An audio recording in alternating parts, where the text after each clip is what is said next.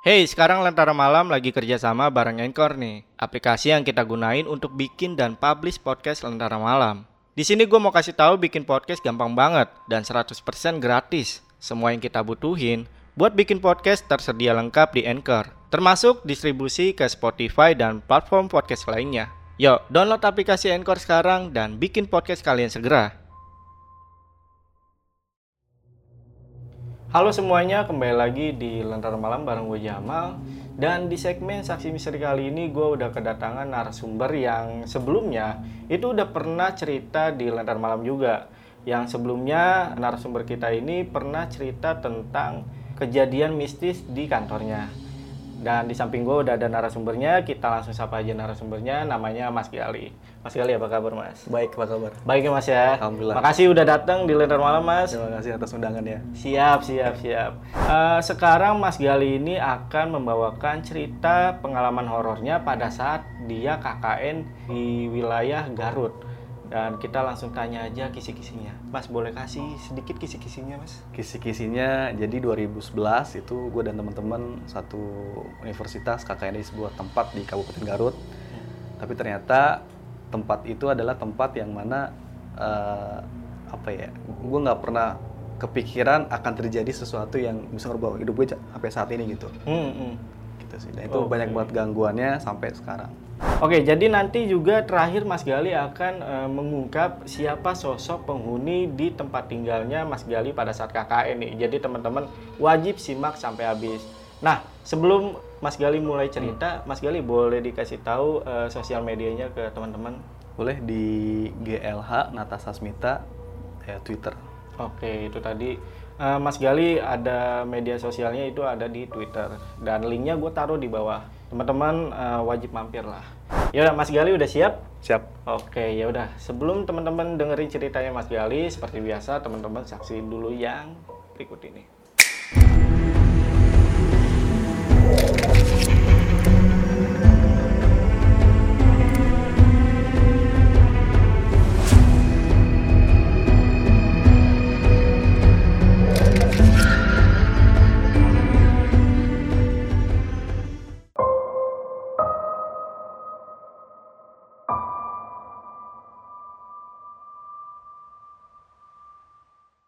Gue mau ceritain pengalaman beberapa tahun yang lalu pas gue kuliah sih, 2011.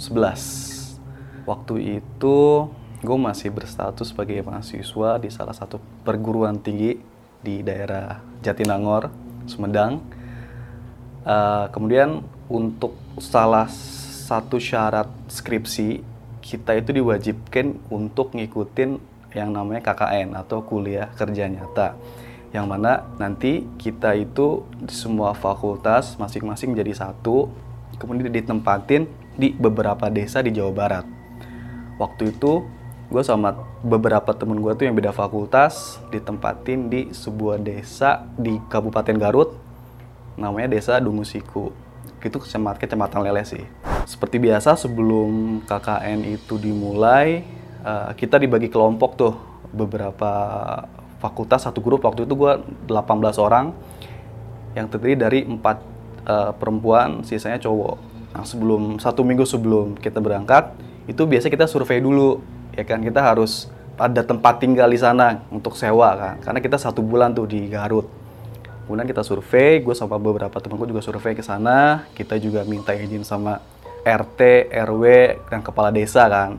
Karena uh, kita akan stay di Garut di desa itu selama satu bulan. Plus gue juga harus menyesuaikan atau memperkenalkan diri ke lingkungan sekitar. Nah, kemudian sampailah kita di Garut kan dan kemudian orang desa atau pekerja desa gitu dia merekomendasikan dua rumah di situ. Karena basically di situ cuman ada dua rumah yang bisa untuk disewa yang kosong.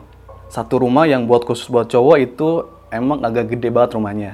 Kalau rumah untuk yang si ceweknya itu dia beda beberapa rumah dari tempat kita tapi di rumah si cewek itu ada yang tinggal nenek-nenek kan. Emang udah lama tinggal di situ dan emang dia eh, orang kampung situ dan anaknya lagi kerja di Bandung. Makanya dia sendirian dan itu bisa nampung buat empat orang kan. Nah sementara buat yang cowok itu sisanya di rumah yang besar yang terpisah. Gue juga pada awalnya sih pas gue masuk ke rumah itu mikirnya kayak rumah biasa sih. Rumahnya gede ada ruang tamunya juga besar ada sofa ada TV tapi TV-nya emang TV yang jadul gitu loh TV-TV yang apa ya kayak tahun 80-an tahun 90-an something lah yang yang masih gede. Kemudian ada tiga kamar uh, setiga kamar ada kemudian ada ruang tamu dapur ada tempat jemur. Di belakangnya itu ada kebun kalau nggak salah. Ya kebun terus ada sawah juga di sampingnya. Nah tapi si kata si penjaga rumah dia bilang e, mas ini satu kamar di sini nggak boleh dibuka ya eh, nggak boleh ditinggalin gitu satu kamar itu. Awalnya sih gue bingung ya kok cuman satu kamar doang yang nggak boleh ditempatin gitu nggak boleh kita tidur. Kenapa nih gitu? Oh mungkin itu uh, kamar khususnya untuk barang-barang yang punya rumah atau gimana gue nggak tahu lah. Gue waktu itu nggak terlalu ambil pusing dengan omongan si penjaganya itu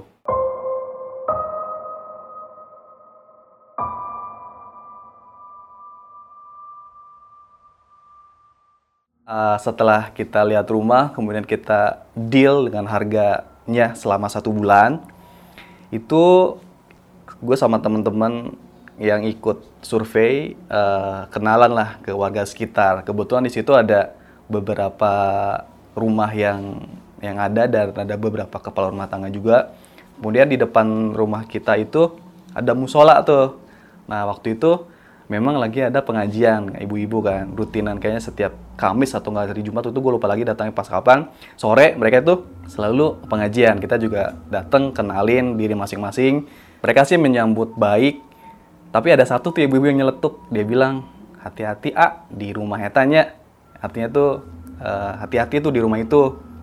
Gue mikirnya ya kenapa? Ya gue juga nggak ngapa-ngapain di situ kan. Maksudnya kayak kita cuma datang satu bulan sebagai mahasiswa untuk berbau sama mereka gitu. Nggak ada niatan melakukan hal-hal yang yang yang di luar batas dan kalaupun emang si ibu itu merimain untuk berhati-hati ya pasti kita berhati-hati kan. Cuman konteksnya pada saat itu adalah hati-hati itu hati-hati seperti apa di rumah itu gitu. Gue nggak terlalu uh, apa ya memperdulikan omongan si ibu yang celetuk waktu pas kita kenalan di musola itu kan. Mungkin dia bercanda atau emang gimana lah nggak ngerti. Singkat cerita seminggu kemudian kita dikumpulin tuh dalam satu kayak aula gitu pelepasan KKN se, satu universitas di sama ada penyebut dari rektor juga dia ngasih uh, saran, ngasih wejangan, kemudian kita berangkat lah satu bus, yang mana satu bus itu kita ada dua grup, yang satu ke Kabupaten Garut, tapi beda uh, kecamatan. Nah, grup pertama itu gue dan teman-teman tuh kita uh, turun di kayaknya rumah kepala desa deh sih, rumah kepala desa Dungusiku kalau nggak salah tuh. Kita ya memperkenalkan diri lagi karena pasukan kita komplit kan saat itu.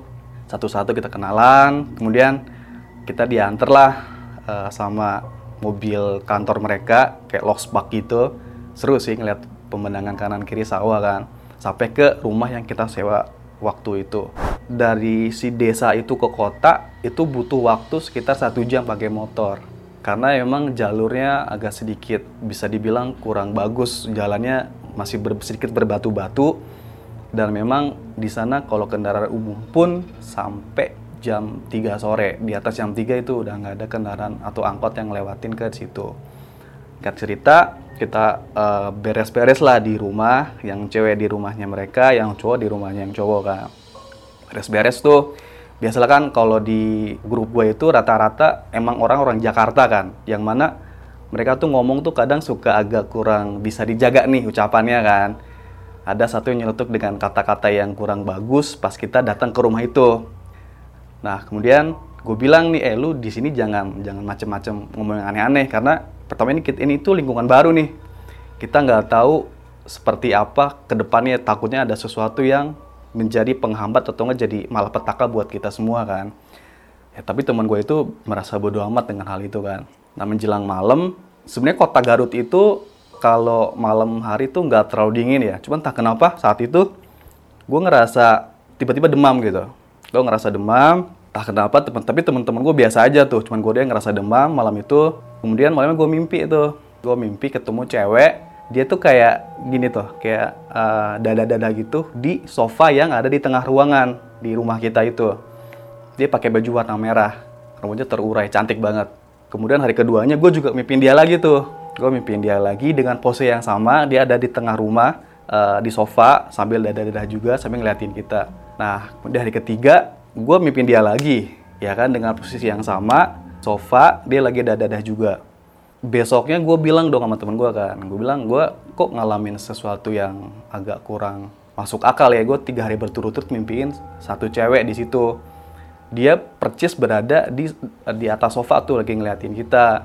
Tapi teman-teman gue pada saat itu nggak merasa ya mungkin gue lagi halu atau mungkin gimana lah. Dia nggak mereka nggak terlalu mempedulikan apa yang gue ceritain kan. Tapi itu jadi concern gue selama KKN nanti. Karena gimana bisa tiga hari berturut-turut gue mimpiin satu cewek yang memang settingnya tuh sama gitu. Dan gue nggak tahu itu cewek siapa dan satu kamar yang eh, nggak uh, bisa dibuka itu dan nggak boleh dibuka itu, gue juga penasaran itu sebenarnya di dalamnya itu ada kam ada apa sih di dalam itu tuh.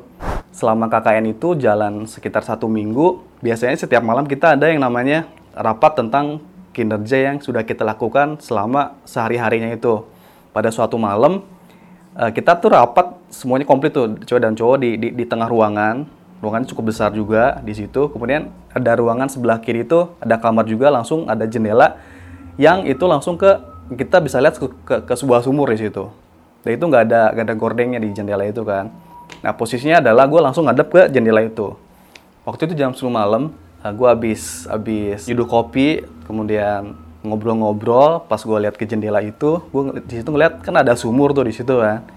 Kok ada kakek-kakek lagi ngeliatin kita ya gitu gue pikir gimana bisa ada kakek-kakek ngeliatin kita nih. Akhirnya gue bilang sama temen gue kan eh kita ke sono yuk kita lihat. Tadi gue nggak ada kakek-kakek tuh di situ.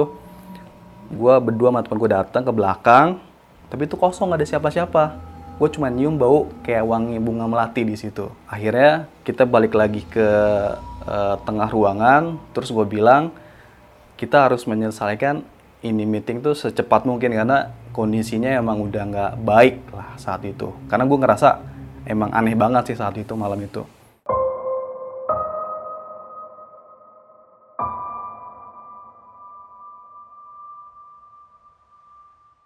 Beberapa hari setelahnya, gue itu harus ke kota, ya kan? Kita harus bayar SPP tuh atau uang uang uang semesteran kampus lah. Karena waktu itu kita nggak bawa uang cash dan harus transfer juga uangnya, kita mau nggak mau harus ke kota tuh, satu orang satu orang waktu itu gue sama teman gue tuh cewek ya kan? Uh, sore hari jam sekitar jam 3an lah sebelum asar. Itu gue sama temen gue langsung menuju ke kota Garut untuk ambil uang dan transfer. Di dalam perjalanan sih gue merasanya biasa-biasa aja ya beneran. Kayak ya udah nyalain motor langsung jalan tuh menuju kota terus ke jalan raya kan. Nah pas di jalan raya tuh tiba-tiba beberapa saat setelah ini tiba-tiba hujan. Terus tiba-tiba pas gue belokan mau ke arah yang ke Cipanas Garut itu yang daerah Tarogong tuh yang ada pom air panas udah belokan kan. Itu tiba-tiba gue ngeliat itu gelap semua. Gue nggak bisa ngeliat apa-apa. Gue cuma bisa ngeliat gelap. Entah kenapa itu. Gue cuma tahu waktu itu gelap pas gue sadar gue tapi ada orang yang bilang nih dalam pakai bahasa Sunda dia bilang hudang hudang hudang. Yang artinya tuh bangun bangun bangun.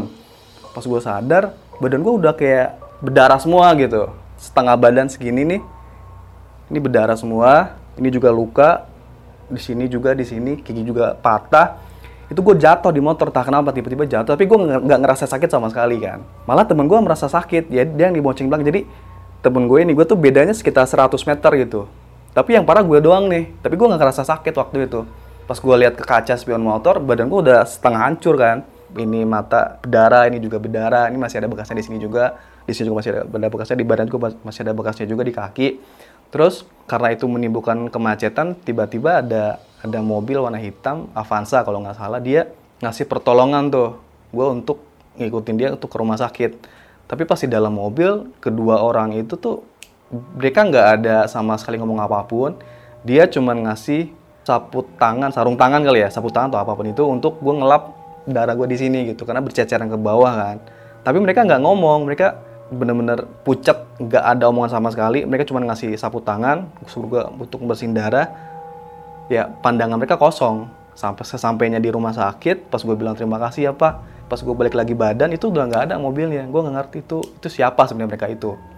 Atau emang uh, itu warga sekitar yang emang sengaja ngelewatin ke daerah Garut atau atau siapa? Gue nggak paham. Yang jelas sih gue naiknya naik mobil waktu itu kan. Dan sapu tangannya juga waktu itu masih gue pegang gitu. Tapi setelah kan banyak darah tuh.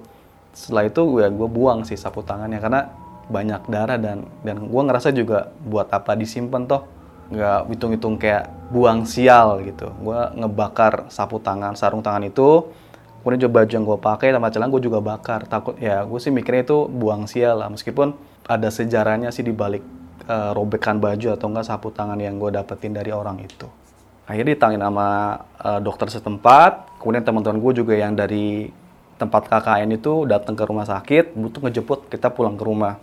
Pas gue pulang dari rumah sakit warga udah banyak banget ngeliatin tuh dari depan rumah kan kayak semacam nyambut. Cuman gue bilang ya gue nggak usah disambut buat apa gitu kan. Setelah itu setelah beres isya kali ya si Pak Ustadz inisiatif untuk ngadain pengajian. Dia mengundang beberapa orang cowok-cowok ya yang jelas nggak cewek-cewek kemudian uh, yang tadi ngerubuhin di depan rumah itu ya sama RT setempat disuruh untuk balik ke rumah masing-masing karena udah malam juga dan kita juga nggak mau ada ada kerumunan lah waktu itu kan. Hey, sekarang Lentera Malam lagi kerjasama bareng Anchor nih, aplikasi yang kita gunain untuk bikin dan publish podcast Lentera Malam. Di sini gue mau kasih tahu bikin podcast gampang banget dan 100% gratis. Semua yang kita butuhin buat bikin podcast tersedia lengkap di Anchor termasuk distribusi ke Spotify dan platform podcast lainnya. Yuk, download aplikasi Anchor sekarang dan bikin podcast kalian segera. Setelah sholat isya, si Pak Ustadz mimpin doa, kemudian mulailah acara pengajian itu. Tapi anehnya, si Ustadz itu dia kayak ngebakar kemenyan di situ. Bakar kemenyan yang literally gue bingung kayak, pengajian kok bakar kemenyan sih? Atau emang di Garut harus seperti itu? Gimana gue ngerti lah Nah, setelah dibakar kemenyan, ces, dibakar tuh kemenyan tuh. Ada asapnya kan, seisi ruangan bau kemenyan. Tiba-tiba gue di luar itu tuh, di luar, itu ada tiga, tiga kuntilanak lagi ngeliatin kita. Tadi tiga kuntilanak. Terus gue bilang sama Pak Ustadznya, Pak Ustadz, di luar itu ada tiga kuntilanak. Kemudian di ruangan atau kamar yang nggak boleh dibuka itu tuh berisik banget Pak. Gue mesti gimana nih, gue takut gue bilang. Karena ya, jujur gue takut banget gitu kan. Gue habis kecelakaan kondisi gue belum baik terus gue ngeliat kuntilanak tiga. Terus gue mesti gimana gitu. Dengan saatnya poster bilang ya Mas Gali fokus aja. Ikutin ngaji aja. Gimana gue bisa fokus saat itu kan? Ya tapi ya gue nggak nggak ada pilihan lain saat itu. Ya akhirnya gue tetap fokusin diri gue sendiri. Gue ikut-ikut ngaji meskipun gue nggak tahu gue ngaji apa waktu itu. Gue nggak ngerti. Tapi situ kuntilanak masih ngeliatin gue di tiga literally tiga kuntilanak tuh di, depan tapi dia nggak bisa masuk gue nggak tahu kenapa. Dia ngeliatin aja. Ya gue juga bingung mesti gimana saat itu kan. Singkat cerita uh, jam 9an malam itu kita udah udah beres pengajian udah beres-beres semuanya udah udah kelar udah dibersihin. Tapi malam itu gue nggak bisa tidur karena kuntilanak itu tuh ada di depan terus. Mereka kayak kayak lagi nungguin gitu. Gue nggak bisa tidur tuh sampai subuh baru gue bisa tidur besok paginya eh besok malamnya pas gue lagi entah kenapa tuh kebangun kali malam-malam di uh, kamar yang nggak bisa nggak boleh kita masukin itu kayak gitu loh gagang itu kayak tek, tek, tek, tek, tek, tek, kayak seolah-olah pingin gue buka gitu kan. Gue juga waktu itu emang penasaran banget sih kok ini ada apa kok nggak boleh dibuka gitu. Akhirnya tak kenapa gue tahu tuh kuncinya ada di mana gitu. Itu diumpetin di dalam lemari. Dan gue tahu dan gue sebelumnya itu nggak nggak nggak tahu tapi malam itu gue tahu di situ ada kuncinya gitu kan kayaknya gue buka lah tuh kunci kan. Truk. Gue buka pintunya. Wih itu banyak banget. Ada mustika ya kan? Ada keris ada batu-batuan yang entah kenapa itu gue nggak ngerti itu dari dari itu jenis apa. Yang jelas itu kayak jimat sih. Dan di di kamar itu tuh rame banget jimatnya. Dan satu persatu atau nggak tuah yang ada di dalam um, si keris atau enggak si batu mustika itu keluarlah mereka semua tuh kan dan saat itu gue kayak ngerasa badan gue gue ngerasa kayak badan gue kayak diterobosin satu-satu sama mereka gitu kan. Terus gue tiba-tiba ya ini udah nggak bener langsung gue kunci lagi kunci gue taruh lagi lah di lemari itu kan. Tapi justru uh, setelah gue ngebuka itu pintu itu nimbulin banyak lagi masalah. Karena uh, kodam atau nggak tuah yang ada di dalam mustika itu itu tuh ternyata malah jadi apa ya mengganggu kita pas KKN di semua di situ gitu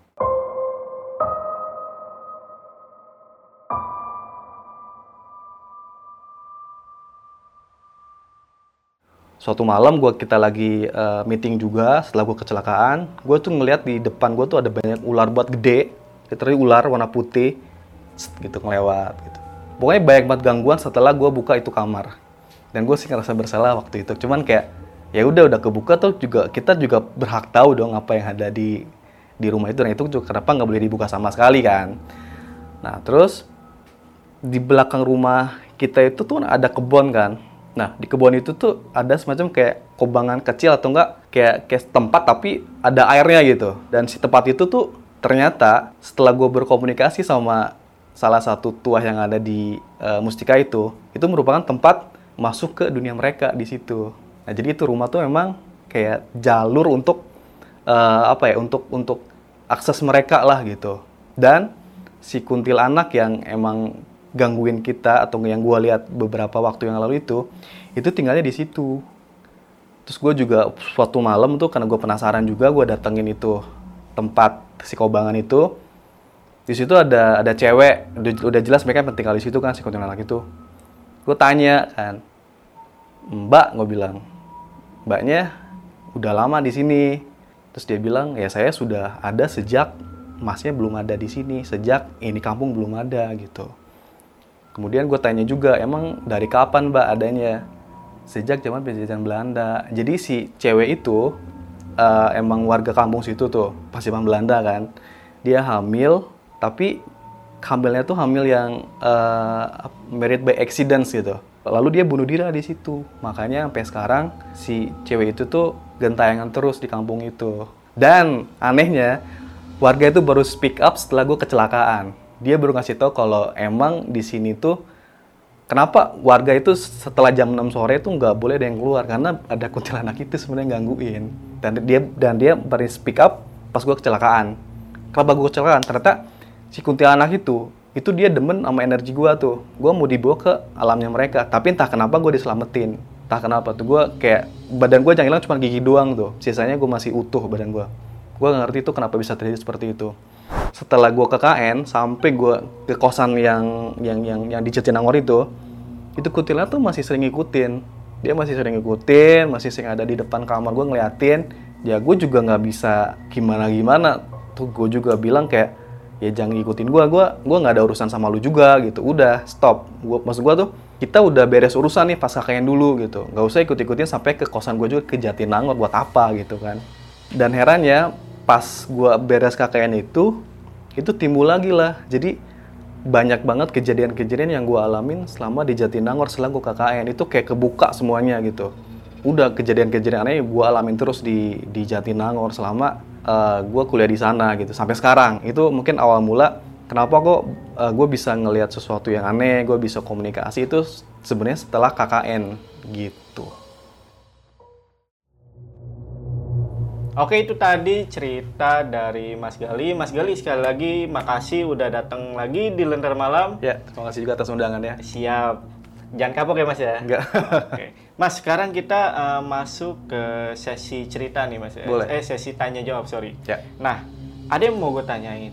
Soal kan ini waktu Mas Gali datang, hmm. itu kan dibagi dua rumah ya? Iya, bagi ada rumah. rumah besar ada rumah dan kecil. ada rumah kecil. Iya. Dan yang rumah kecil itu ditempatin juga sama nenek-nenek. Iya. Oke, dan itu tempatnya untuk para cewek, Mas? Iya, untuk para okay. cewek. Nah, kalau di tempat yang rumah kecil itu, apakah ada kejadian juga, Mas? mereka tuh si cewek-cewek baru speak up pas kita udah kelar KN. Oh, okay. Dia bilang setiap malam malah ya, mm -mm. Ranjang dia tuh kayak digoyang-goyang itu. Okay. Goyang-goyang. Terus ada banyak banget rambut kayak apa ya, udah ubanan gitu yang panjang-panjang tuh pagi-pagi tergeletak di, di lantai mereka. Okay. Dan mereka baru bilang pas udah KKN. Setiap malam kayak di kayak digoyang-goyang gitu dan mereka nggak mau bilang pas-pas kita KKN itu karena mungkin situasi udah lagi nggak nggak bagus kali ya mereka mm -hmm. speak up hmm. kalau pas saat KKN tuh hmm. makanya mereka kayak disimpan dulu si cerita itu oh apakah rambut itu rambut si nenek nggak, nggak mungkin karena hmm. mereka tuh tinggalnya di lantai atas kan hmm. dan si nenek itu nggak si nenek yang tinggal situ tuh hmm. dia nggak pernah ke lantai atas karena udah tua nggak kuat ya ke atas dan, nah Uh, sosoknya pernah ada yang lihat sosok apa di sini? Kata teman gue yang cewek tuh yang dia juga gak sensitif, hmm. soalnya perempuan juga udah tua juga di situ Jadi di di rumah yang cewek itu tuh ada sumur juga itu kayak sumurnya udah tua gitu. Hmm, hmm. Nah, ba- si teman gue bilang kalau di sumur itu tuh banyak banget kayak distractionnya, gangguan ya. Hmm, hmm. Sampai pada suatu malam, setiap malam bah- bahkan mungkin ranjangnya mereka tuh digoyang-goyang gitu. Oh, masih sosok Iya, sesuatu. nenek-nenek juga Iya, lah ya. Oke. Dan nenek-nenek yang tinggal di situ itu pernah cerita juga gak ke teman-teman mas? Warga tuh nggak mau speak up, Oh intinya warga itu silent aja. silence. Makanya pas waktu pas kita datang survei kan ada satu warga bilang hati-hati kan. Hmm. Itu mungkin kayak semacam warning dari mereka. Oh. Si warga tuh mau speak up pas kita udah kelar KKN. Oke oke oke. Iya, pas udah paham. baru dia bilang, "Mas, emang di sini ada teror kuntilanak kalau malam-malam makanya di atas jam 6 malam itu Hmm. kita udah nggak ada yang berani keluar rumah gitu." Tapi emang kayaknya ya em, Lentera Malam kan juga beberapa kali ngundang narasumber yang punya pengalaman mistis tentang KKN ya. Ya. Dan itu biasanya memang dikasih taunya di akhir. Iya. Kalau memang di sini Iya. apa banyak hal-hal ganjil Betul, lah ya betul, kan. betul, Nah, betul. Nah, tapi apakah eh, ini Mas sorry tahun berapa ini? 2011 kira-kira. 2011 ya, angkatan 2000 berapa? 2008. 2008. Nah, apakah angkatan di sebelum-sebelumnya Mas itu eh, ditempatkan di tempat itu juga untuk KKN-nya? Setahun setelahnya eh, kayak coba napak tilas lah ke rumah itu kan. Mm-mm. Terus kita datang tuh ke sana. Ada satu grup KKN juga, itu satu tingkat di bawah kita. Terus kita ngobrol-ngobrol. Gimana di rumah itu? Masih ada yang aneh-aneh nggak? Ada mas. Oh. Tiap malam suka ada yang mandi katanya. Tapi kalau yang sebelumnya nggak ada. Nggak ada. Kalau enggak maksudnya yang ini. Oh, yang sebelumnya dia nggak nggak nggak nggak tinggal di situ. Oh enggak KKN di situ. Nggak kayak kakaknya di, di rumah itu, nggak- nggak tinggal di, di rumah itu. Nah, tapi yang setelah kita, Itu di situ. iya. Dan dan kamar yang dulunya nggak boleh dibuka itu jadi kamar mandi sekarang. Oke. Jadi kamar mandi itu setiap malam kan suka ada yang kayak "Cs", kayak ada yang mandi gitu. Oh, malah makin parah ya. Iya. Eh, Mas Gali kan sempet berarti mengalami kecelakaan ya. Iya. Yang bisa dibilang ya terdapat hal mistisnya juga Iya, lah, sempat iya. gelap segala macam. Iya. Nah, pada saat diantar nih, Hmm. Mas Gali doang yang diantar apa temennya juga diantar gak? Gue doang yang diantar. Dua-duanya diantar. Enggak, gue doang diantar. Oh, Mas Gali doang yang diantar. Iya. Temen gue dia di belakang bia- biasa aja gitu kayak entah kenapa si mobil itu tuh tiba-tiba ada di arah pas gue kecelakaan aja. Mm-mm. Terus dia bilang ikut saya, ya gue ikut karena kan emang butuh bantuan juga kan. Hmm. Tapi nggak nggak mikir panjang itu orang siapa, Hmm. dari mana mau ngapain. Gue pikirnya ya gue butuh pertolongan, ya udah ikutin aja gitu. Nah, Mas, eh, pada saat Mas Gali diajak itu ke dalam mobil, Hmm. temennya Mas ngeliat ya Mas Gali masuk ke mobil. Ngeliat dia bilang eh, pas gue udah sampai ke apa tuh rumah sakit RSUD Kabupaten Barut, Hmm. dia ikut juga kan sama rombongan teman-teman KKN semuanya. Terus dia bilang itu tadi diantar sama siapa? Mm-mm. Gue nggak tahu. Tiba-tiba ada mobil yang nyamperin, ya gue ikut aja buat ke rumah sakit gitu. Oh, Emang fisiknya ada mobil. Dan gue juga emang di dalam mobil. Iya iya. Tapi pas pas nyampe rumah sakit, pas gue nutup pintu, terus gue jalan beberapa langkah, pas gue ke belakang itu udah ada mobilnya. nggak kedengeran ada mobil jalan.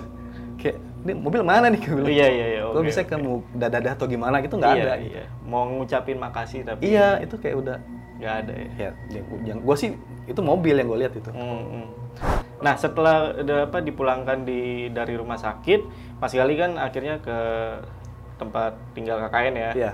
Nah dan di, diadakan pengajian. Iya. Nah pada saat pengajian itu kan Mas Gali ngeliat tiga sosok kuntilanak. Iya. Nah apakah sosok kuntilanak ini berbeda-beda atau itu memang eh, satu sosok yang sama tapi kage bunsin lah gitu? Basically mukanya sama semua. Mm-mm. Pakai baju putih, Mm-mm. nunduk. Tiga-tiganya begitu. Tapi sosok ini berbeda atau bukan? Sama. Oh sama. Tiga pokoknya di situ. Dia tiga kali pas pas dibakar menyan tuh sama si Ustadz. Mm. beberapa beberapa saat setelah setelah dibakar menyan tuh di depan kayak langsung ter muncul tiga gitu kayak ngeliatin Oh, Oke oke. oke. mungkin kayak kepanggil kali ya jatuhnya ya Iya kan kepanggil. sih. kebakar menyan kan gitu Eh, undang kepanggil dan menurut gue ya Iya. itu kepanggil dan juga ngusir. Karena ini kenapa gue bisa bilang ngusir karena yang yang kamar yang nggak boleh dibuka itu kan tadi Mas Gali sempat bilang itu iya berisik banget berisik banget iya, ya. Itu kemungkinan itu entah panas atau apa Iya. dia mau minta dibuka. iya mungkin seperti Mungkin itu ya. Nah, untuk sejarah rumah tersebut ada gak yang ngasih tahu dari warga itu bekas rumah siapa atau rumah siapa? enggak warga nggak bilang yang penjaga juga nggak bilang yang yang jaga bilang cuman itu rumah yang punya lagi di Jakarta Oh. Jadi emang jarang ada di kampung sih yang punyanya itu. Oh, jadi yang punya bukan warga asli sana ya? Bukan.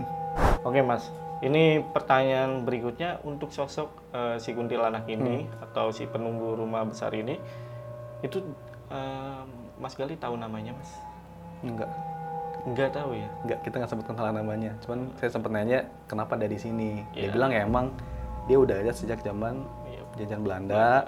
Dia bunuh diri karena dia hamil duluan. Hmm. Terus warga nggak nerima dan matinya tuh di belakang rumah kita. Gitu. Oh, tepatnya apakah yang di Sumur itu? Atau yang di Kobangan? Dekat Kobangan di situ. Dekat Kobangan Iya, itu. di Oke, situ. oke. Karena mungkin dulu itu kebon, totally kor- kebon kali ya semuanya. Kebon ya. Iya. Oh. Dan warga ada yang tahu sejarah ini juga nggak? Enggak. Warga cuma bilang, eh kalau malam pasti banyak banyak banget ada gangguan di situ. Oh, oke, Dan oke. emang bilang ada kuntilanak. Oke oke. Nah, em, apakah sosok ini kan tadi dibilang eh, mengalami apa namanya eh, hamil di luar nikah lah ya, Iya. bisa bilang kecelakaan. Nah itu eh, hamilnya itu apakah sama prajurit Belanda atau sama Kayaknya siapa mas? Nggak sama orang sekitar sih. Oh sama orang sekitar malah. Orang, orang sekitar. Oh, Oke oke oke. Ya kan zaman dulu kita nggak tahu ya. Mungkin zaman sekarang juga kalau hamil duluan kan dirasanya kurang baik ya. Mm, mm. Apalagi zaman dulu gitu. Iya benar. Jadi dia mutusin untuk daripada malu ya mending bunuh diri. Ah, Iya oke oke. Dia bilangnya kayak gitu.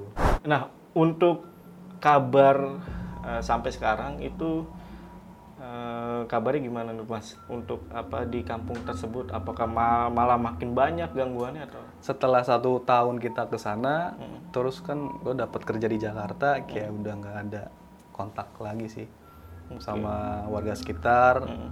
Ya nggak belum belum tahu lagi kabarnya seperti apa di sana gitu. Oh belum tahu lagi. Iya. Jadi eh, Mas Gali itu pertama kali dan terakhir di situ. Iya. Oh, Oke oke. Tapi satu tahun setelahnya pas pas kita apa tuh napak tilas, Hmm. emang rumah itu emang masih masih jadi serem sih, masih serem lah. Masih serem lah ya. Iya, pas kakek anak yang satu tingkat di, di bawah kita dia bilang emang setiap malam banyak gangguan di situ.